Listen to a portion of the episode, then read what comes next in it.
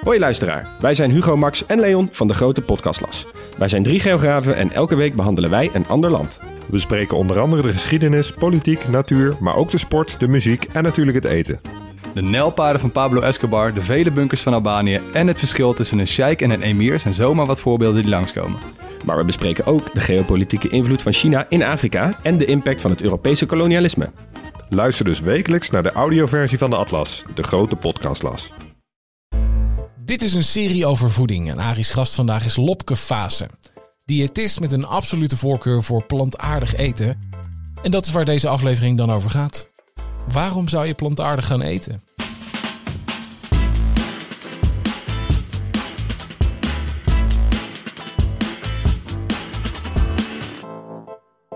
Lopke, ik moet je een bekentenis maken. Ehm, ik ben de laatste jaren, sinds wij naar het boerenland zijn verhuisd, het buitengebied, net buiten Amsterdam bij Apkoude, uh, ben ik weer ehm, meer dierlijke producten gaan eten. Van uh, zo af en toe vlees, de eieren van onze eigen kippen.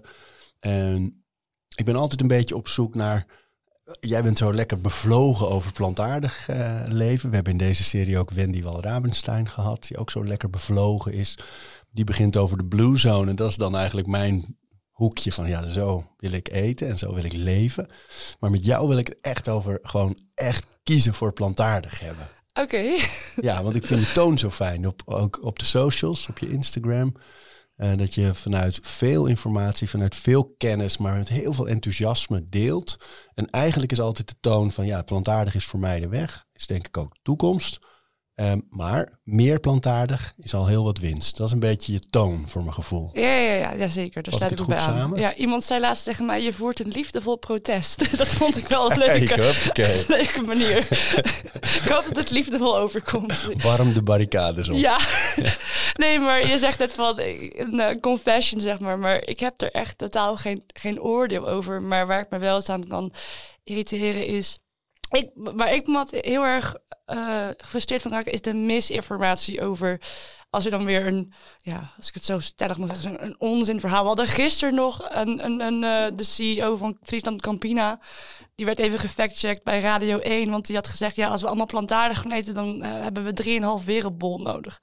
En toen gingen ze bij uh, weet dat, spraakmakers of zo, gingen ze een paar experts bellen. En ze kwamen echt niet verder dan totale onzin.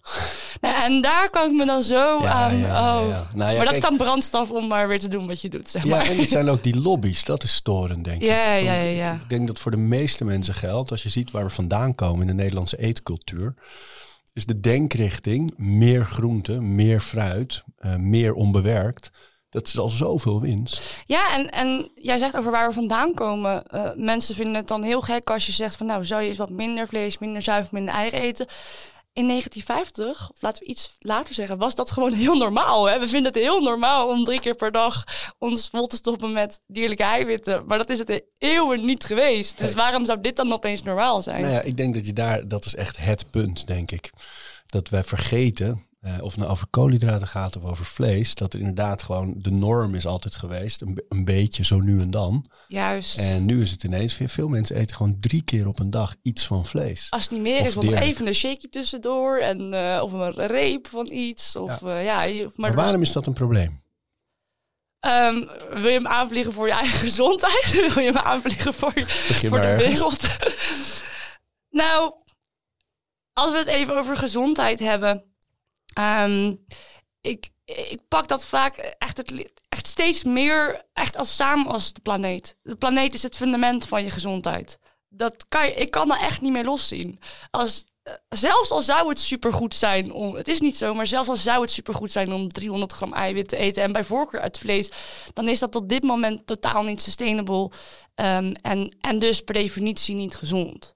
Dus daar begint het voor mij eigenlijk. Bij waarom is dat niet goed? Waarom is die enorme toename aan dierlijke eiwitten, uh, met name dierlijke eiwitten in je voedingsplan niet goed? Nou, dus daarom... vooral milieu en de wereld. Hè? De, de, de manier waarop we leven op deze aardbol, dat is gewoon niet houdbaar ook, zeg je. Exact, ja. In verband met inderdaad, uh, dan heb je natuurlijk wat vervuiling en klimaatopwarming. Ja, dus dat alleen zou al een argument moeten zijn. Um, maar ook direct op je gezondheid. Um, we hebben het gelijk alweer over eiwitten natuurlijk. en ehm, heel veel mensen maken zich dan druk over, maar krijg ik dan wel voldoende eiwitten binnen als ik plantaardiger of plantaardig ga eten? Maar nooit stelt iemand de vraag: krijg ik eigenlijk op dit moment wel voldoende vezels binnen, bijvoorbeeld? En ik kan vertellen dat um, op dit moment eten we ongeveer 50% meer eiwit dan we uiterlijk nodig zouden hebben. En dan heb ik het niet per se voor sporters, maar gewoon een gemiddelde Nederlander. Ja, ehm, en uh, ongeveer de helft van de hoeveelheid vezels die we minimaal nodig zouden hebben. Nou, waar vinden we vezels in in planten? Nul in dierlijke producten. En Zo'n goed punt, want dat is eigenlijk in deze serie al zo vaak ter sprake gekomen. En niet alleen bij mensen die vezels plantaardig. Dat grote, dat schrikbarende vezeltekort in ons eetpatroon. Ja, ja, ja, ja. En ik ik durf echt al te stellen dat dat gewoon een soort van lineair verband is. Hoe meer dierlijke producten je gaat eten, je kan je maag uiteindelijk maar één keer vullen, uh, hoe minder vezels je gaat eten. Dus die toename aan dierlijke eiwit en bijna die eiwitobsessie die we hebben met z'n allen, loopt de supermarkt maar door. En proteïne, eiwit. Hoe komt uh, dat? Ik sta, ja, misschien... Verbaast jou ook? ja, um, ik denk dat het, zal een combinatie zijn van van alles. Uh, als je maar lang genoeg vertelt dat het heel belangrijk en goed is. En je had het net over de lobby, ja, lobby in, in, in, in die hele voedselindustrie. Ik denk dat die heel lang ons hebben verteld. Uh, via marketing en misschien ook wel gesponsord wetenschappelijk onderzoek. Dat eiwit is toch wel echt uh, de holy grail van alle nutriënten, zeg maar. Dat daar iets vandaan komt, dat we dat inmiddels zo zijn gaan zien. En natuurlijk ook wel, maar dat het gaat heel diep. Uh, vroeger, je zei het net al, was dierlijke producten was, was luxe, was wilde. En wie vroeger dat zo, zo'n leefstijl kon, uh, kon aannemen, was denk ik wel wat, wat, wat gezonder. En het stond voor, stond voor gezondheid. Het stond voor ja, dat je genoeg had. En vroeger hadden we natuurlijk eerder de deficiëntieziektes. Nu is het uh, eerder van de welvaartsziektes hebben we nu, van te veel. Dus dat er misschien ook nog in ons achterhoofd iets zit van... Uh, ja, een, voedingspatroon met meer planten. Ik zou bijna zeggen, een beetje richting Afrikaanse toestanden, armoedig. En, en dat we daarom denken van, uh, dan kom ik dat dus tekort. Um, en dan zit er misschien ook nog iets in van, als je het allemaal maar vaak genoeg zegt, ga je het met elkaar wel geloven. um, en ja, eigenlijk is daar misschien ook wel voor mij, zeg maar, die hele, die hele, um, dat hele idee van plantaardig is beter misschien wel een beetje gestart van... Ik hoorde zo vaak over die eiwitten en ik had wel vegetarisch eh, sinds mijn veertien of zo. Dat ik ook dacht van, nou misschien uh, uh, kom ik het ook wel tekort of moet ik het, weet je? En nou, dan ga je lezen en dan, nou, je gaat eigenlijk steeds meer lachen omdat we allemaal geloven met z'n allen. Want ja, Nee, ik, zit hier inmiddels al uh, zes jaar vegan of zo. En, uh, nou, mag jij beoordelen, maar ik heb nog nergens last van.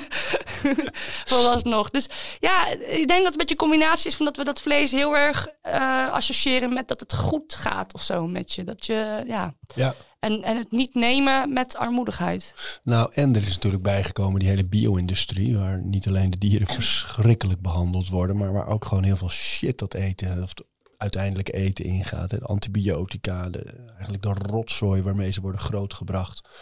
Dus dat, mhm. dat type vlees. Kijk, en dat is voor mij, en daarom begon ik ons gesprek daarmee. Oh voor mij gaat het heel erg over. Deze jaren gaan voor mij heel erg over ehm, ehm, echt voedsel. Dus zoveel mogelijk onbewerkt. Ehm, als ik dan vlees eet, één keer in zoveel tijd, dan zal het vlees zijn van dieren die hebben rondgelopen. en, en niet ooit uit de bio-industrie. Of nee, weet je, dat... nee maar, maar Arie, eerlijk, als iedereen doet wat jij doet, dan gaat de rest vanzelf, denk ik altijd maar.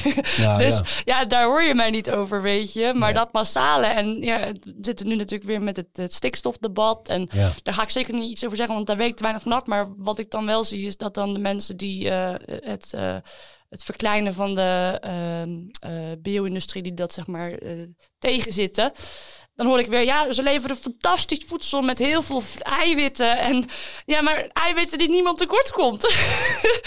Weet je wel? Dus dat, dat, dat zijn weer zo'n voorbeeld. Daar kan ik dan heel veel moeite mee hebben. Want dat zijn wel mensen waar, waar mensen ook weer op vertrouwen. en tegenwoordig kan je het allemaal roepen. En nou, het was fijn dat spraakmakers dit eventjes verifieerden. Van ja, dit klopt gewoon niet. Maar om de een of andere reden, zelfs als dat dan nog gebeurt, willen heel veel mensen het dan niet meer geloven. dat is ook iets bijzonders. Je noemde als, als redenen dat mensen plantaardig kiezen al uh, het milieu. daar hoort dit eigenlijk allemaal een beetje bij. Um, dierenwelzijn noemden we natuurlijk al. tegen die bio-industrie, tegen het feit dat een dier doodgaat voor het eten van een mens. Zijn er nog meer redenen dat mensen kiezen voor die plantaardige hoek? Ja, uh, gezondheid natuurlijk. Het grappige is ook dat als mensen het voor hun gezondheid doen, dan is het makkelijker om inderdaad wat pragmatischer te zijn. Want ja, inderdaad, die ene keer zal het verschil tussen gezond en ziek niet maken. Dus uh, daar jij bijvoorbeeld dan wat makkelijker, wat eerder bij van ja, want inderdaad, 90% of 100% plantaardig. Ik ga hier niet beweren dat dat dan per se beter is voor je gezondheid. Overwegend plantaardig. Um, en mensen die het echt voor duurzaamheid en de dieren doen, die zitten er inderdaad wat meer dedicated in van uh, nee, niks meer. ja, ja. Um, dus uh, gezondheid. En ja, waarom dan? Nou ja, in dat vezels is denk ik wel echt het allerbelangrijkste. Er komen echt massaal vezels tekort. En je hoort niemand erover. ja, hier. Maar in het uh, publieke debat hoor ik alleen maar van eiwitten. um, dus dat. Um, maar ook ik probeer voeding steeds meer te zien als echt een totaalpakket. Ik vind het nooit zo interessant. Koolhydraten, eiwitten, vetten, et cetera. Um, maar iedere keer dat je een bepaald product of een bepaalde maaltijd kiest, eet je niet een optelsom van voedingsstoffen. Je eet een heel scala, een heel palet, een, een verzameling van voedingsstoffen.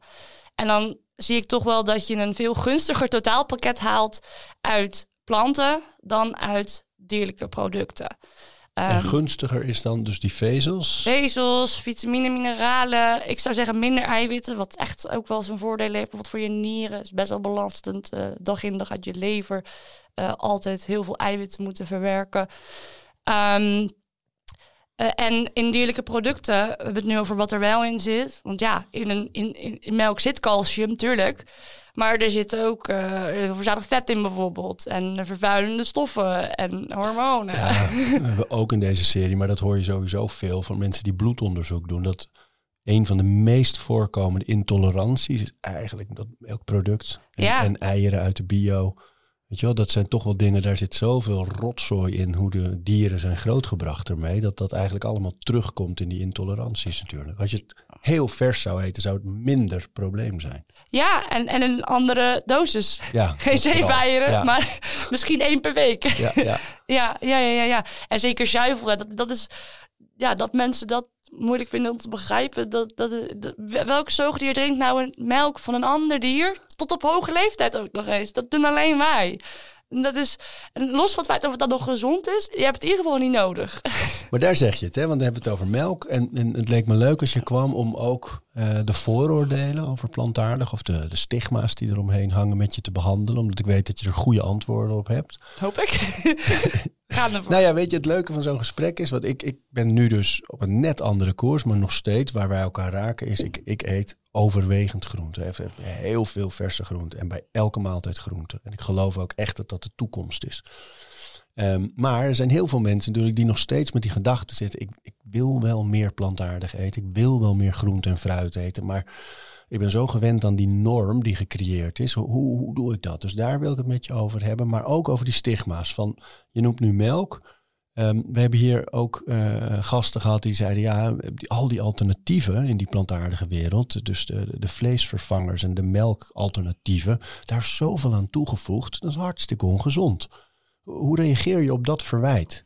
Nou, ik zou eerst in, in zekere zin een beetje met ze meegaan door te zeggen van je hebt ze sowieso niet nodig. Absoluut niet. Ze zijn compleet misbaar. En dat is misschien zeker bij de plantaardige zuivel wel interessant om te zeggen. Want hoe vaak kan ik het heb moeten lezen. Ja, maar zuivel, plantaardige zuivel lijkt qua voedingswaarde helemaal niet op dierlijke zuivel. Nee, maar je hebt het ook allebei niet nodig. Dus waarom zou het erop moeten lijken? Weet je, je hebt een onderzoek. Ik zag op jouw Instagram een heel leuk onderzoek. Wat is nou de, de meest gezonde, uh, het meest gezonde melkalternatief? Ja, ja, en dan zou ik altijd beginnen met, eh, ja, eh, eigenlijk is het meest gezonde is bladgroente. Want wat haal je? Ja, dat heeft natuurlijk totaal een andere toepassing, dat snap ik. Maar eh, zuivel is wel heel interessant, ook voor de diëtetiek zie ik dat nog heel vaak misgaan tussen aanhalingstekens. Laten we zeggen, het is desinformatie. Je hebt een aanbevolen dagelijkse hoeveelheid in Nederland voor calcium, waar we denk, met name voor denken dat we zuivel nodig hebben. 950 milligram voor volwassenen is dat. Um, wat heel veel mensen niet weten, is dat die aanbeveling die de Gezondheidsraad dan heeft vastgesteld.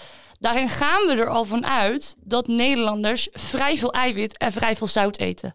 En hoe hoger je zout- en eiwitinname is, hoe hoger je calciumbehoefte ook is. Ehm, als jij plantaardiger gaat eten, plantaardig gaat eten, minder uh, eiwit binnenkrijgt, min of meer per definitie. Als je het gezond doet, ook minder zout. Dan gaat je aanbeveling voor calcium, ga ik even uit van het advies van de FAO en de WHO, naar 500 milligram. Tel daarbij op dat de calcium uit bladgroenten, met bladgroenten moet je denken aan boerenkool, paksoi, dat soort uh, slaasoorten, um, voedingsmiddelen. De calcium eruit wordt anderhalf tot twee keer beter opgenomen. Dus dan wordt de som opeens een stuk minder moeilijk om voldoende calcium en gezonde botten te krijgen. Dus als je, als je reden om al die melkalternatieven op te zoeken de calcium is die je ervoor nodig hebt, dan is dit eigenlijk de betere dit weg. Dit is het antwoord, ja. Er zijn natuurlijk veel mensen die, die zoeken die melkalternatieven op omdat ze wel een cappuccino willen. Of omdat ze wel uh, dat glas melk bij hun lunch willen. Of, um, en dan? Nou ja, dan is het antwoord: drink het lekker. maar blijf, denk niet dat je daar per definitie gezonde botten van krijgt. Want wat we er ook nog bij moeten zeggen: er is veel meer nodig voor gezonde botten dan alleen maar calcium. Je kan de hele dag melk drinken wat je wil in je bed liggen. Als jij niet beweegt, voelt dat bot nooit de druk, zeg maar. Ook bij kinderen is dat super belangrijk. Bewegen. Want dan voelen die botten de urge, zeg maar, om sterker te worden.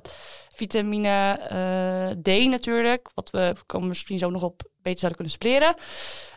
Um, nou, ik, ik, mijn, mijn, mijn ervaring is altijd dat op het moment dat iemand zegt, daar komen we misschien zo nog op, dan denk ik, oh. oh anders moet ik het in een kastje stoppen in mijn hoofd en er straks weer uithalen. Dus uh, ga maar meteen. Wat, wat, vitamine D, waarom beter? Supplem, als supplement slikken? Ja, nou ja, het allerbeste advies is uh, verhuis naar land waar de zon altijd lekker straalt. En uh, hè, het is een vitamine die we aanmaken in onze huid onder invloed van zonlicht. Strikt genomen geen eens een vitamine trouwens, maar laten we dat maar even links liggen nu. Um, maar een, um, een invloed van zon op de huid. Maar ja, laten we zeggen als de R in de maand is in Nederland, is de zonkracht gewoon per definitie te zwak.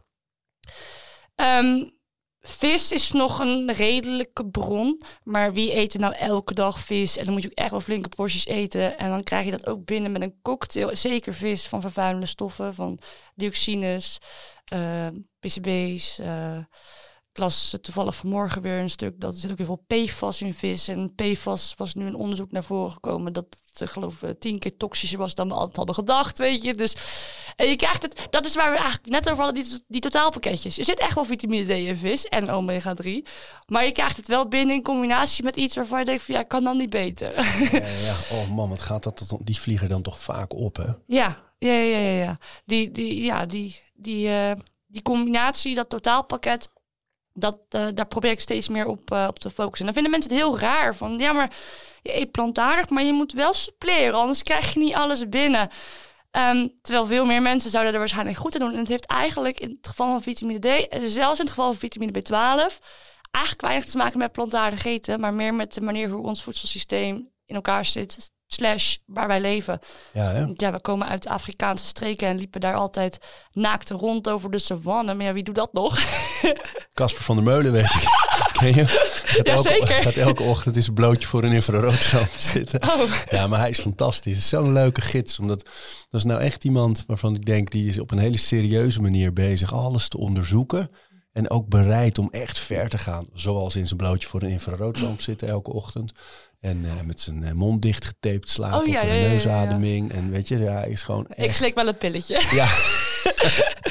maar even, even terug, want we zitten in het hoekje van de vitamine D. Je zei dat dat is echt onmisbaar. En we krijgen er gewoon in ons land, in onze omgeving, niet genoeg van binnen als, als je het alleen van de zon moet hebben. Ja, je maakt niet genoeg aan. Wat, wat zijn andere manieren om vitamine D binnen te krijgen? Of, of aan te maken? Uh, ja, het suppleren. Uh, en als je het uit je voeding wil dan ga je toch snel naar verrijkte voeding. Uh, het wordt toegevoegd aan margarines. wederom, ik weet niet of dat nou per se de, de allerbeste bron is. Het zit zelfs in koekjes, geloof ik soms. En sinaasappelsap uit de supermarkt. dus het wordt wel alles toegevoegd. Het zit ook vaak in van die plantaardige melk trouwens. Um, maar vaak heel weinig. Dus je kan je in allerlei bochten wringen om het heus wel ergens uit te halen. Maar waarom zou je dat doen als je ook gewoon een, een supplement kan nemen? En zeker nu, we leven dit op in, uh, juni. Uh, ga lekker naar buiten. Zeker, zeker, zeker. Ja, En ook in de winter trouwens hoor. Ik hoorde een onderzoeker ook in een podcast vertellen dat uh, acht minuten onder een solarium, een, een zonnebank, ja. ook ontzettend goed is voor opname van vitamine D. Dan zit je in acht minuten zit je niet in het gevaar van de, de, de kanker. De en, kanker en waarom het zo slecht is voor je om lang onder zo'n ding te liggen.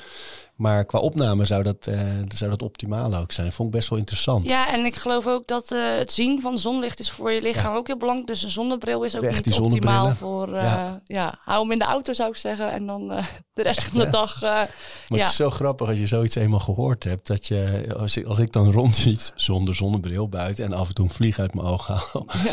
Maar dan zie ik al die mensen met die zonnebril en denk doe af, doe af. Ja, doe of baby's zelfs. Op de voorkant van zo'n van fiets. En dan zie ik zo'n baby ja, je, je, je mag er niks van zeggen, maar je denkt het dan maar.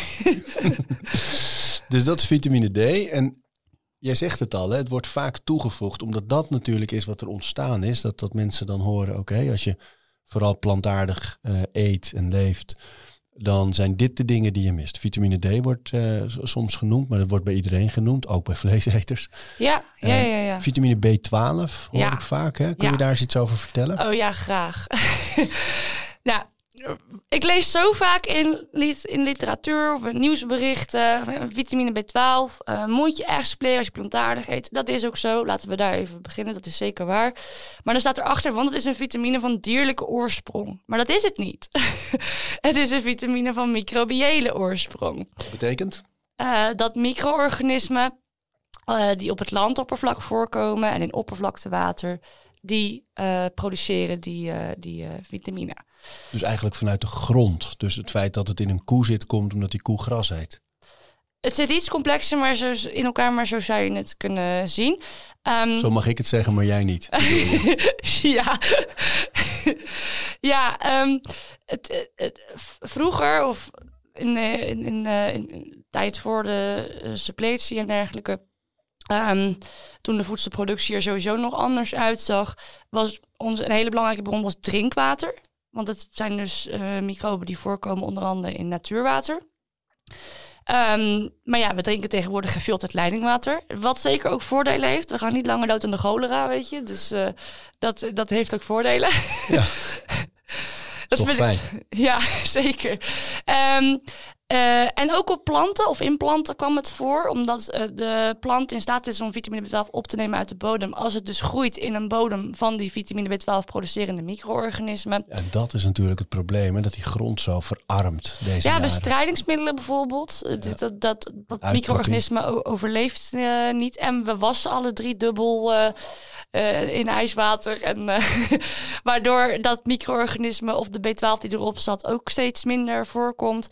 En um, dieren. Is dat, eh, als ik je nog mag onderbreken, is dat de reden dat zeg maar, um, jij bent een stuk jonger dan ik, maar in mijn jaren uh, was er helemaal geen sprake van B12 slikken. Dat uh, kwam je nergens tegen. Vitamine C was zo'n beetje het enige dingetje dat mensen wel eens slikten. En uh, omdat natuurlijk die, die, die groenten nog veel minder vaak gewassen werden, veel meer, veel meer die B12 bij zich hadden waarschijnlijk.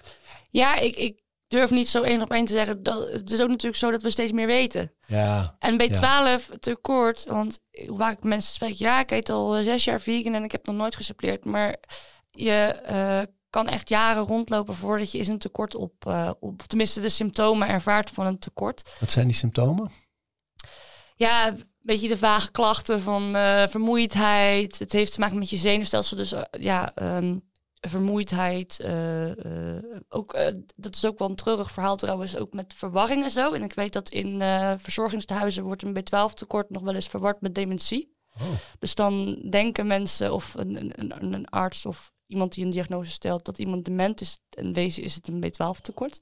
Ja, dat hoor je vaak bij Mark Hyman, hè? Die, ja, hij noemt zichzelf functional practitioner, geloof ik. Het is gewoon een arts, MD. Maar die heeft een heel mooi platform ook. Uh, Doctors Pharmacy is zijn podcast. Heeft allerlei wetenschappers altijd. En die heeft, zegt dit ook altijd. Dat je dementie in heel veel gevallen met de juiste voeding en de juiste aandacht uh, echt kan remmen en soms zelfs een stukje terugdraaien. Uh, Ja. Door inderdaad dit soort inzichten. Als het inderdaad dat al is. Ja, natuurlijk. Er zijn Ja. uitzonderingen uiteraard. Want- het is niet want, eh, ja, de oplossing voor alles. Een B12 tekort is iets heel anders dan dementie, maar het heeft toevallig dezelfde, dezelfde uitwerking. Bij ouderen heeft het trouwens ook vaak te maken met, eh, om het op te nemen is er een stofje nodig, dat heet intrinsieke factor. En bij ouderen wordt dat wat minder aangemaakt, waardoor ze het niet opnemen. Dus dan kan je de B12 instoppen wat ze willen, maar ze nemen het niet op. Maar ja, dan ben je ondertussen wel het, het verkeerde aan het, eh, de verkeerde diagnose aan het stellen. Met echt, eh, ja, dat is natuurlijk verschrikkelijk voor zo iemand. Ehm, maar wat veel mensen niet weten is dat ehm, dieren in de bio-industrie zouden ook een B12 tekort oplopen op het moment dat we daar niet zelf eh, een stokje voor zouden steken. Ehm, bij mijn weet krijgen varkens en kippen echt direct B12 gesuppleerd via veevoer. En ehm herkauwers, dus koeien, geiten, ehm, die bevatten, eh, dus die, die hebben die micro-organismen die ook op het landoppervlak voorkomen in de darmen. En wat ze dan doen is ze geven met kobalt verrijkt veevoer. En doordat dat kobalt erin zit, kunnen ze die B12 aanmaken en komt het dus in, in, in de melk en zo eh, en het vlees terecht. Maar ja, dan komen we weer bij die totaalpakketten. Je kan het ook zelf suppleren. En dan skip je allereerst de ellende uit de bio-industrie en eh, de problematiek voor het milieu. Ehm, maar ook eh, ja, het totaalpakket van vlees, wat een stuk minder gunstig is dan, dan planten. Om nog maar te zwijgen voor het feit dat eigenlijk suppleren een veel betrouwbaardere manier is van voldoende B12 binnenkrijgen. Omdat je dan zeker weet dat je voldoende binnenkrijgt. Ehm, je moet ongeveer drie keer per dag, elke dag dierlijke producten eten. Wil je voldoende vitamine B12 eruit halen. Zo. Dus ja, dan, ik vind het zelf een stuk makkelijker, betrouwbaarder om het dan uit een supplement eh, te halen. En hoe weet je dat je, dat je een goed supplement hebt? Ehm, het grappige is, vitamine B12 wordt verkocht in drie verbindingen. Je hebt vier verbindingen, maar die ene geven ze bij de huisarts, dus die laat ik even buiten beschouwing. Je hebt, deze woorden mogen mensen absoluut vergeten, cyanocobalamine, methylcobalamine en adenosylcobalamine. Drie soorten cobalamine. En het is eigenlijk een vrij goedkoop supplement om te produceren. Je zou het een beetje kunnen beschouwen als de paracetamol onder de medicijnen of onder de supplementen. Ehm, met als gevolg dat je er ook niet zo heel erg veel op kan verdienen. Dus en, eh, ik heb heel veel, ja, ik wil niemand downgraden, maar blogs en dergelijke. niet per se de meest betrouwbare bronnen. eh, lees je dan van nee, je moet methylcobalamine of adenosyl. Dat is namelijk actief vitamine B12. Het hoeft je lichaam niet meer om te zetten. Dat is beter. Het, eh, nou, dat soort eh, termen. Ehm, maar dat is eigenlijk meer marketing dan wetenschap. Want het grappige is dat, omdat het dus zo'n goedkoop supplement is en ook best wel oud, weten we veel meer van die cyanocobalamine vorm. En ehm, misschien is het beter, maar we hebben er in ieder geval minder onderzoek over. Dus je kan het niet stellen op dit moment. En dat kan je eigenlijk gewoon heel grappig. eh, mensen kennen misschien PubMed, is zo'n databank voor wetenschappelijke literatuur. Tik maar gewoon in cyanocobalamine en dan doe je de volgende zoekterm is methyl en dan adenosyl. En dan zie je bij cyano echt iets van 20.000 eh, eh, gevonden Publicaties. publicaties. En dan methyl 400 of zo. En Net waarschijnlijk... voor iedereen die denkt, wat, wat, wat, PubMed, wat? Ja, het is een soort van Google Scholar, zeg maar. Een, een, een- zoekmachine voor wetenschappelijke literatuur. PubMed.com. Ja, .com. Ja, ja, ja, ja. Pub is dan PUB, hè? Publicatie. Pub. Publicatie, ja, met. Medisch. Yes, heel goed. dus we weten er gewoon veel meer van. En eh, het is inderdaad zo dat je lichaam dat nog eventjes moet omzetten. Maar dat kan het ook prima. Uitzondering daarop is mensen met, die roken. Die kunnen beter stoppen met roken natuurlijk. Maar die kunnen er beter eh, de methylvariant kiezen. Het actieve vitamine B12. En mensen met chronische nierproblemen. Die eh, kunnen dat cyanide geloof ik niet altijd even goed afvoeren. Dus die doen er ook goed aan. Om, eh, en dan heb je nog een, een hele bijzondere stofwisselingsziekte. Mm, die kunnen ook beter actief vitamine B12 suppleren. Alleen, ik denk niet dat eh, dat is heel zeldzaam. Dus er niet heel veel mensen zijn die daar. eh, Als je denkt van Zo, waar heb je het over? Denk je, ja, we gaan een potje B12 ergens halen, maar zo is het dus niet. Ja, eh, nou ja, eigenlijk is het. mensen die, die betalen ook graag heel veel voor supplement. Maar het is dus juist een vrij goedkoop supplement. Dat bruggetje heb misschien nog niet, dat heb ik misschien nog niet goed gezegd. Maar supplementenfabrikanten zijn natuurlijk ook gewoon. die willen ook gewoon geld maken. Niks mis met geld maken overigens. Maar door dus een bijzondere vitamine B12 aan te bieden, kan je opeens... Het is ook weer die paracetamol. Je hebt ook paracetamol met coffeïne doet niks. Maar mensen zijn wel bereid om er veel meer voor te betalen. En dat merk ik toch ook wel. Dat is geen wetenschap, misschien ook, maar ik ken de publicaties niet bij mensen. Ja, ze hebben toch het gevoel dat als een supplement goedkoop is, dat kan niet goed zijn. Dat, dat hoeft echt niet zo te zijn. B12 is vrij goedkoop. Um, je moet wel veel meer suppleren dan je de aanbevolen dagelijkse hoeveelheid. Omdat de opname heel beperkt is. Dus als je denkt van wow, zoveel op het potje, uh, 40.000 procent van de aanbevolen dagelijkse hoeveelheid. Maar de opname is Um, deels via de darmreceptoren, deels via wat ze noemen passieve diffusie. Al ingewikkelde termen, maakt niet zo uit. Maar die passieve diffusie is maar 1% van de gesuppleerde B12. Dus als je dan zeg maar zoveel, uh, zo'n hoge dosis suppleert, uh, officieel is het officiële suppletieadvies is 1000 microgram uh, twee keer per week ook maar. Dus je hoeft het ook weer niet elke dag te doen. Dus bijvoorbeeld zaterdag, zondag is voor veel mensen makkelijk. Hoe doe jij dat? Want dat hoor ik vaker zeggen, dat het niet nodig is om dingen elke dag te nemen. Maar in, in mijn leven is het altijd zo. Ik vind het makkelijker om iets elke dag te doen dan een paar keer per week. Want dan was het gisteren, was het vandaag. Moet ik het systeem, ja. Ja, dus eh, elke dag is gewoon elke dag. En als ik dan een dagje mis, is geen probleem. Maar ik weet eigenlijk elke dag raak. Hoe doe jij dat als je iets twee keer in de week moet doen? Dus, dus ja, twee keer in de week. Ja, dat, dat, dat is best wel iets wat ik zou doen, ja. Zeker. um, of uh, ik hou zaterdag, zondag aan. Dat is ook een. Uh, en je zou zelfs nog ochtends, avonds kunnen doen. Want het duurt zes, keer, zes uur, geloof ik, voordat je darmreceptoren weer leeg zijn. Dus je weer opnieuw B12 op kan nemen. Dus als dat makkelijk is, dan doe je maandag. Uh, ochtends, avonds. Als het echt lastig voor je is, dan kan je ook naar een lagere dosis gaan. 250 microgram per dag. Um, even goed om te weten trouwens, als je dus wel of eigenwijs bent of denkt, hé, hey, ik heb nierproblemen, ik moet die actieve vitamine B12 suppleren, dan moet je 1000 microgram elke dag suppleren. Wat ik niet erbij heb gezegd, het is een, een, een veel minder stabiele vorm van vitamine B12. Wat betekent dat als jij het in kastje laat staan en het potje staat daar gewoon te wachten, dat het vanzelf afbreekt. Daarom moet je er veel meer van suppleren, omdat je um, niet uh, uh, zeker weet of je nog de dosis binnenkrijgt die op het potje staat. Zo joh. Dus ook dat is een extra argument om dus voor die uh, goedkope uh, cyano uh, variant te komen, te, te, kiezen. Zo, en wat doet B12 met ons, voor ons? Ja, het zenuwstelsel is het veel, bijvoorbeeld heel belangrijk voor. Um, en ook voor je, het heeft ook een rol met je rode bloedcellen. dus je krijgt een beetje van die, van die klachten bij een tekort als um, vermoeidheid, weet je wel. Ja, wel echt de vervelende vage klachten. Het is niet heel, uh, heel duidelijk of zo. Daarom duurt het er vaak even voordat je het door hebt. Maar als je zegt dat je vegan eet, dan zegt de dokter snel B12. B12 nemen, ja. Wat grappig is dus dat omdat vegans aardig goed op de hoogte zijn dat ze het moeten suppleren, zie je daar niet zo snel wat tekort. Nee, Terwijl vegetariërs, mensen die ook veel minder dierlijke producten eten dan die drie keer per dag, lopen echt risico. Ik heb jaren vegetarisch gegeten. Ik heb nooit geweten dat ik B12 moest suppleren. Dus die doelgroep, die spreek ik ook even aan. Suppleer vitamine B12. een andere die je toch wel nog vaak hoort is eh, de omega-3, hè? Ja. Als je geen, helemaal geen vlees eet, dat je dan uh, toch... Vis met name. Vis met name eigenlijk, ja. Omega-3 natuurlijk, visolie. En mensen willen dan niet die, die, dierlijke producten eten. Dus dan is het ook wel een goed idee om het te, te suppleren. Maar zit het ook in andere voeding nog? In, in meer plant, zit het ergens ooit in plantaardige voeding? Um, nou, dat is een leuke vraag. Want welke voedingsstof komt er volgens jou exclusief voor in een dier? Zou ik niet weten, ja. Nee, ja, die is er ook niet. Want alle voedingsstoffen... Bepaalde mineralen misschien? Of alle voedingsstoffen komen, hebben uiteindelijk hun oorsprong in de bodem, de mineralen, uh, planten... of worden aangemaakt door de zon, vitamine D. Of micro-organismen, vitamine B12.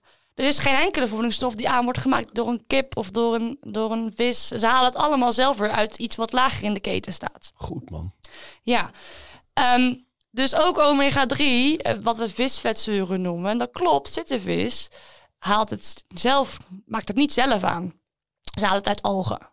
Ja, we hebben hier Tom Siersma van Plankton. Uh, oh ja, ja. Leuk supplement. Het gaat helemaal daarover. Die, die zegt eigenlijk, ja, je moet niet alleen dichter bij de bron. Je moet gewoon de bron zelf nemen. Ja. Plankton, algen. Ja, precies. Omega-3. Algen, algeolie is ook een supplement wat eigenlijk gewoon dus olie verpakt in een capsule is. Net zoals je bij wijze van spreken zonnebloemolie zou hebben, verpakt in een capsule.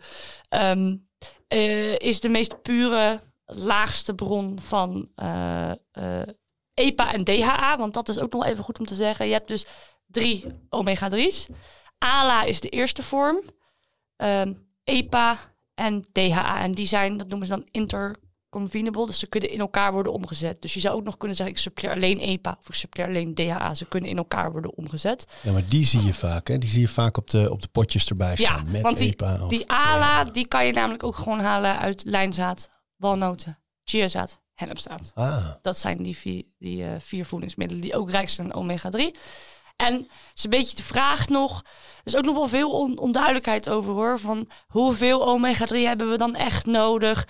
Kan je lichaam zelf genoeg omega-3 omzetten? Dus ALA omzetten in EPA en DHA.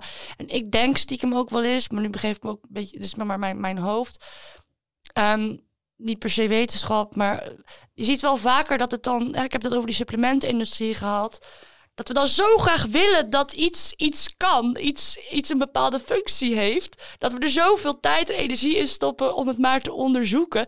Dat is ook, misschien herkennen mensen dit wel, uh, hoeveel geweldige eigenschappen er wel niet aan wijn worden toegeschreven. Maar ja, dat is natuurlijk ook omdat er daar een industrie achter zit die zo graag hoopt en wil dat er, dat er iets in wijn zit. dus ja, als je maar lang French genoeg. paradox. Ja, als je maar lang genoeg gaat zoeken, ga je vanzelf wel iets vinden dat het inderdaad fantastisch voor je is. Uh, en dat heb ik bij omega-3 ook wel eens. Misschien hebben we veel minder nodig. De klinische relevantie, zeg maar, is volgens mij helemaal nog niet zo heel erg, heel erg duidelijk. Maar ja, nee, je hoort vaak het brein, hè, dat omega-3 toch wel voor het brein. Uh... Daar zit, daar bevat het inderdaad. Maar hoeveel ja. we dan weer nodig hebben, is veel minder. Uh, en is het dan ook echt nog zo belangrijk als je heel oud bent, of misschien vooral als kind, weet ja, je wel? Ja. Dat zijn allemaal nog vragen. Volgens mij zijn er nog meer vragen dan antwoorden. Maar er heeft een supplementenmerk natuurlijk weinig. maar wat doe doen. jij? Wat doe jij in zo'n geval? Als je denkt van ja, daar, daar is nog weinig wetenschap over hoeveel we nou precies nodig hebben, maar dat we het nodig hebben, staat buiten kijf. Hoeveel neem je dan? Twee keer in de week? Um, nou, ik ben sowieso bij, bij doelgroepen zoals zwangere vrouwen, kinderen, uh, die echt nog in ontwikkeling zijn. Uh, en grappig genoeg, uh, omega-3 is ook belangrijk onderdeel van sperma. Dus ook mannen met een kinderwens zeg ik ook altijd omega-3 suppleren. Um, dus dan sowieso ben ik er heel stellig in of strikt van, ja, zeker onder het mom van better safe than sorry. Um, mij een uh, volwassen uh, persoon, gewoon een regulier, zeg maar, generiek uh, mens, um, vertel ik precies dit verhaal eigenlijk. Van ja, weet het niet zo goed, maakt u zelf ook maar een beetje uw overweging hierin. En als je inderdaad onder het mom van bedden safe is, je zal er niks van krijgen, dus je kan het zeker doen. maar ik ben, ja, ik ben het wel met Wendy vaak eens, Wendy van Rabenstein. Ja, ja wees daar een beetje genuanceerd in. Ik ga ook niet hoog van de toren blazen dat het zo fantastisch belangrijk is. Want dat weet, dat weet ik eigenlijk helemaal niet zo goed. Laat staan dat ik weet hoeveel we nodig hebben. Maar de Wereldgezondheidsorganisatie, die ik altijd wel hoog heb zitten, die adviseert uit mijn hoofd 250 milligram EPA en DHA bij elkaar. Dus daar ga ik dan in mee. Dan zou ik zeggen, suppleer dat dan uh, op dagelijkse basis. We hadden B12, we hadden omega-3. Vitamine D natuurlijk voor iedereen. Zijn er nog andere dingen als je vooral plantaardig eet waar je echt op moet letten? Nou ja, calcium mag natuurlijk al even gezegd. Dat is dan bladgroente is de allerbelangrijkste bron. Dus salades en smoothies, om het even praktisch te zeggen. even denken hoor. Dit zijn wel echt, uh, ja, maak je niet druk om, om eiwit. Eet vooral voldoende. Dat is misschien nog even goed om erbij te zeggen. Want ja, als je te weinig eet, dat is iets wat bij plantaardig eten wel wat... wat... Sneller op de loer ligt. Ja, voor sommige mensen is het te zegen. Hè? Ik bedoel, ja. de helft van Nederland is, is te zwaar. Volgens de definitie van uh, de BMI en zo.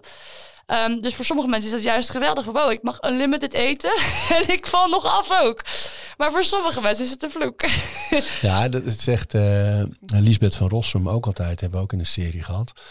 Uh, over obesitas. Maar die zegt ook altijd, begin met je groente joh. Begin met je groente.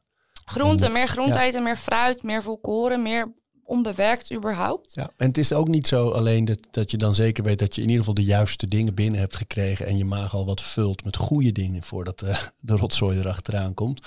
Maar ook omdat die groenten stomen je een beetje klaar van binnen hè, voor, voor wat er komen gaat, toch?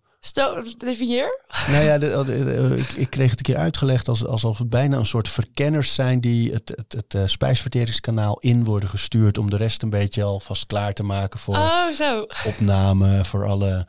ja, ja, ja. En, en sowieso als je Ik bedoel, we gaan niet ook zitten beweren dat je altijd maar 100% alles goed en gezond moet doen. Ik ben sowieso van mening, volgens mij is er altijd weer een manier dat het nog beter zou kunnen. Dus verlies je daar ook weer niet in. Kan ook een soort excuus worden om het maar niet te doen. Hè? Van, oh, maar het kan, het kan nog altijd beter, dus doe maar niks. Hm.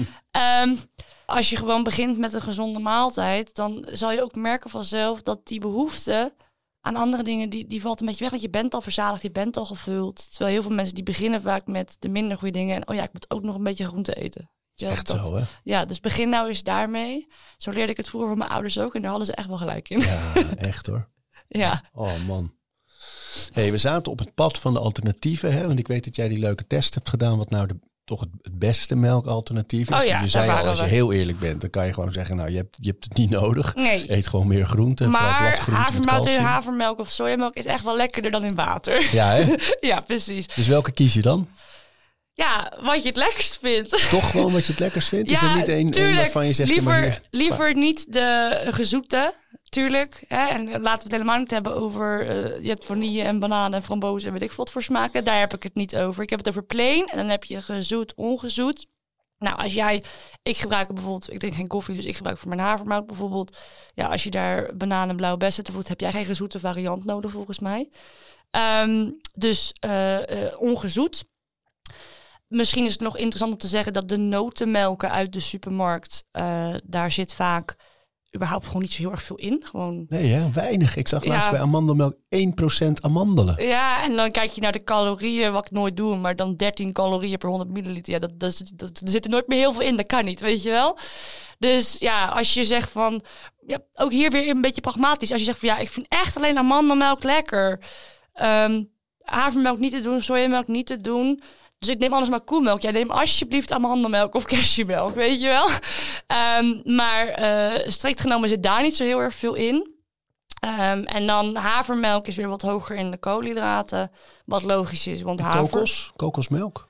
Ja, dat is, valt, zie ik, dat is, zie ik een beetje als onder de noten. Een ah, notenmelk. ja. Er zit ook niet zo heel veel in. Maar dat heeft wel weer zo'n specifiek smaakje. Dat vinden mensen of heel lekker of, of helemaal niks. Dus ja. als je dat lekker vindt, moet je dat vooral doen. Het is altijd beter. Dat is denk ik gewoon even belangrijk. Ik vind het nooit zo interessant om, als ik even heel plat mag zeggen, lullen in de marge. Weet je wel, ik vind dat nooit zo boeiend. um, als je plantaardig kiest in plaats van dierlijk uh, is dat per definitie een, enorme stap vooruit. En dan kunnen we het zeker ook nog hebben over hoe duurzaam is, is het dan om amandelmelk te nemen. Want inderdaad, die amandelen komen uit het gordroge Californië en er zijn zeker optimalere uh, keuzes te maken. Sojamelk is denk ik als je echt het, het, antwoord van mij wil horen, dan denk ik dat sojamelk slash havermelk het meest, eh, onderaan de het meest duurzaam en uh, gezond is. Sojamelk heeft gewoon de meeste voedingswaarde. En dan meteen weer zo'n stigma, hè? Dat, die zouden we af en toe een beetje voorleggen. Over sojamelk en over de avocado ook trouwens, hoor je steeds meer van ja, jongens, het milieu. En er worden hele bossen gekapt om het maar allemaal te laten groeien. Ja. Onnatuurlijk, hele biotoop aan de kant gevaagd voor, voor deze groenten. Ja. hoe, hoe ga je daarmee om? Nou, de avocado is trouwens een vrucht, hè? dat is geen groente, moet ik altijd zeggen. Van ja. Simpson van de Avocado Show. Oh ja, nou, hij heeft gelijk. Um, dit zijn wel twee, het, is, het komt wel een beetje op hetzelfde neer, maar het zijn wel twee verschillende topics. Soja kunnen we denk ik heel kort over zijn. Ja, de hele Amazone gaat plat voor, uh, als we niet stoppen tenminste, voor soja. Maar die soja gaat wel naar veevoer. En uh, dat is, ja, goeie, ja. dat is vaak... Uh, genetisch gemodificeerd. En in Europa is de regel dat als er genetisch gemodificeerde soja of überhaupt genetisch gemodificeerd voedsel in voedsel zit, moet er op de ingrediëntendeclaratie staan genetisch gemodificeerd. Nou, ik ontvang graag in mijn DM degene die de sojamelk heeft gevonden waar genetisch gemodificeerde soja in zit. Want dan zal ik gelijk zeggen, die moeten mensen dan maar niet meer kopen. Maar ik heb hem nog niet gevonden. Uh, bij mijn weet, de laatste wetenschap, en ik heb het ook wel eens gewoon gevraagd. Ik heb communicatie gehad met Alpro bijvoorbeeld. Um, uh, zij halen het voor een deel uit Canada, maar ook heel veel uit Europa. Uh, vaak zelfs Duitsland, Frankrijk of Nederland. En dat is ook waar de meeste soja voor consumentenproducten um, uh, vandaan komt. Europa, Frankrijk, Nederland, Duitsland. Mooi, interessant. En ja, echt die soja die, die waar de Amazone inderdaad dat voor plat gaat, is uh, uh, voor veevoer. Maar dat is ook gewoon een simpele rekensom. Ik weet het niet precies, maar er worden ieder jaar miljarden dieren geslacht. Miljarden. We zijn met zes, nee, het zal wel meer zijn, zeven, à acht miljard ja, ja. mensen op aarde. En het is zeker, eh, volgens mij is het 72 miljard dieren exclusief te vissen.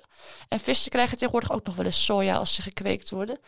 Uh, wat wel weer grappig is, want dan, waarom, dan doe je het niet meer voor de omega-3, want die zit er niet meer in namelijk. maar goed, dat is ander uh, zijspoor. Um, en de avocado? Ja. Daar hoor je de laatste tijd meer over. Ja, water met name. Hè? Ja. Ja, um, nou ook daar allereerst uh, één biefstuk is echt... Eén avocado is geloof ik 200 liter water, wordt er dan beweerd. En een biefstuk is duizend of zo. Ik weet het niet eens precies, maar het is, echt een veel water dat er voor nodig is om het te laten groeien of te produceren. Ja, maar wat er voor nodig is, hè, komt dat water dan uit de lucht of gaan we het echt besproeien? Dat is ook alweer een heel verschil. En wat we ook niet beseffen is dat één, um, een, een vetrijk product, wat een avocado is, vetrijke producten vereisen per definitie meer water. Dus een handje cashewnoten is geloof ik ook 200 liter water. Maar daar hoor je dan niemand over, hè? of een stukje chocola. Of wat ik het leukste vind, ik drink geen koffie. Dat is ook best wel bewust. Eén kop koffie is geloof ik ook 100 liter water. Ja, en dan mijn avocado is het probleem. Ja, hou even op. dat is allebei tropisch ook, weet je. Want dat is ook nog eens, ja, maar het komt allemaal van ver. Ja, jouw koffiebonen toch ook.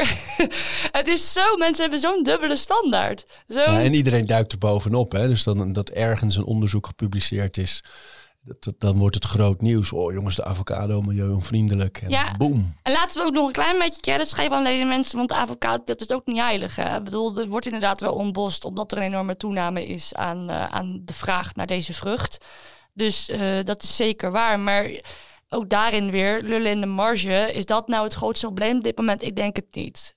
Dierlijke producten, echt, daar wordt far nog het meeste voor ontbost. Gaat de meeste water in, gaan de meeste grondstoffen in. Hè, want het is vele malen efficiënter dat jij zelf je vetten of je eiwitten eet. Uh, dan dat je het eerst in een dier stopt om er vervolgens minder voor terug te krijgen. Dus ja, als dat weg is, dan gaan we het hebben over avocado's. hey, en, en, en dus dan bijvoorbeeld zoals wat ik doe met die eieren. Dat we thuis van onze eigen kippen die eieren eten. Um, is dat nou ook qua gezondheid? Zeg jij nou ook nog van de, los van het feit dat het een dierlijk product is. Dus als je plantaardig wil leven, dan kan het sowieso niet. Maar is het los daarvan ook gewoon minder gezond, denk je? Om gewoon... Ik weet dat van uh, specifiek eieren ik weet niet of er echt een strikt advies ligt van, wordt ontraden vanuit het RIVM of zo, maar ik weet dat eieren uit de tuin, die bevatten vaak weer veel meer dioxines in Nederland. Um, door alle vervuilende stoffen die neerdwarrelen, zeg maar. En het ironische is en het treurige tegelijk, omdat zo'n kippenschuur natuurlijk helemaal afgesloten is, zitten daar weer veel minder vervuilende stoffen in. Omdat er uh, ja, dat het niet zeg maar. Die krijgen helemaal geen frisse lucht. ja, daar komt het wel op neer. met de rotzooi. daar komt het wel op neer. Dus dat even over dat stukje, daar, daar moest ik even als eerste aan denken. Dat ik weet dat uh, er wat meer vervuilende stoffen in uh, voor kunnen komen, dioxines. Verder blijft een ei uh, rijk aan verzadigd vet, de allerbelangrijkste bron van cholesterol. Um, het effect van voedingscholesterol op het cholesterolgehalte is weliswaar lager dan het effect van transvet en verzadigd vet. Maar het, vers, uh, het, uh, uh, het, effect is er wel degelijk. Je hebt een lever, die kan al het cholesterol aanmaken wat je nodig hebt. Het is ook geen essentiële voedingsstof. Dus je, hebt het, je hoeft het niet extern binnen te krijgen. Kijk, gaat jouw ene ei per week het, het cholesterolgehalte verhogen? Natuurlijk niet. Maar elke um, dag? Dat weet ik. Ik weet niet waar die, waar die marge ligt. Ik weet wel dat er. Dat is ook misschien wel interessant voor mensen. Er wordt heel veel gelobbyd. En ik heb wel eens een onderzoek gezien waarbij er dan zeg maar zo'n opzet wordt gemaakt door, ik noem het dan maar even de ei-industrie, maar die sponsoren natuurlijk een universiteit om, het, uh, om een bepaald onderzoek te doen. Maar er is dan een clear conflict of interest, zoals dat dan heet. Um, en als je mij, ik eet al in, uh, wat zal het zijn, uh, zes jaar in ieder geval geen ei meer. Als je mij nu twee eieren geeft, dan schiet mijn cholesterolgehalte zeer waarschijnlijk door het dak heen. Maar geef je nou een, een, populatie eieren die misschien al gewend is om er zeven per week te eten. Ja, die geef je twee extra. Hè? Dat zal waarschijnlijk niet zo heel veel effect hebben. Maar wat doen ze dan? Dan is het voor de ei-industrie zo'n onderzoek. Dan zetten ze dus zo'n onderzoek op. Ze kiezen bewust mensen uit die al gewend zijn wat eieren te eten. En dan zeggen ze, kijk, zie je, effect op het cholesterolgehalte is helemaal niet zo hoog. Man, man, man. En dat belandt dan weer, staven, belandt dan weer in de krant. Want dat is interessant natuurlijk om te vertellen. Maar het is helemaal niet zo, zo'n goede methodiek. Daarom moet je, zeker bij dit soort dit soort uh, stellige statements, als je dat leest, neem het maar met een hele flinke korrel zout. Sowieso goed in het leven. Ja. niet te veel zout, maar een korrel. Ja, een korreltje. Beetje is wel belangrijk. Ja. Hey, en, en, mensen luisteren en denken, ja, ik vind het leuk wat ze allemaal zegt. Ze kunnen jou natuurlijk vinden op je Instagram. Hè? Gewoon Lopke Fase met dubbel A en dubbel S. Nee, 1S. 1S. 1S. Oh, jammer. Ik vond het zo lekker A-A-S-S. Nee, 1S. En dit gaat heel vaak fout. Eh, de F, dubbel A, 1S. En ik ben waarschijnlijk de eerste deze reeks die dit zegt. Maar dat is misschien wel grappig uit TikTok. Ja, leuk, leuk. ja, dat is ook, uh, ik vind dat een heel leuk platform. TikTok is dus, de toekomst, hè? Wees daar ook welkom. Ja. ja. Ah, leuk. Hey, maar nog even voor mensen die luisteren. Ze kunnen je daar vinden, op TikTok, op Instagram vooral. Um, je, je, je, je, blogt ontzettend veel, uh, doet allerlei kleine onderzoeken, hebt zelf een leuke podcast waarin het vaak over deze thema's gaat. Dus daar weten ze je te vinden. Maar even voor iedereen die nu denkt, ja, ik wil wel eens wat stappen gaan zetten. Mm -hmm. Wat raad jij nou aan als iemand zegt, ik wil gewoon in ieder geval meer plantaardig gaan eten of misschien zelfs wel helemaal om? Wat kan ik doen? Mm, je kan heel veel doen. er zijn ook allerlei verschillende manieren om hier zeg maar uh, je eerste stap in te zetten. Voor heel veel mensen werkt het om het bijvoorbeeld maaltijd voor maaltijd te doen. Um, en kies dan het makkelijkste. Ontbijt, thuis. Je kan dat vaak helemaal zelf kiezen. De meeste mensen hebben een family dinner meal, maar niet per se een family breakfast moment, zeg maar. Um, wat ook best leuk kan zijn overigens. Dus eten is ook iets sociaals. Um, dus begin, begin uh, bij je maaltijd voor maaltijd. Ontbijt. Pak je later eens je lunch erbij. En tot het laatste denk ik diner. En als je dan helemaal zegt van nu ga ik het optimaliseren of perfect doen. Uh, dan ga je eens kijken hoe je dat buiten de deur doet. Dat is voor veel mensen helemaal een, hobbel. En misschien niet hier in Amsterdam, maar wel als je in het oosten woont. Uh, dan is dat toch wel een beetje anders.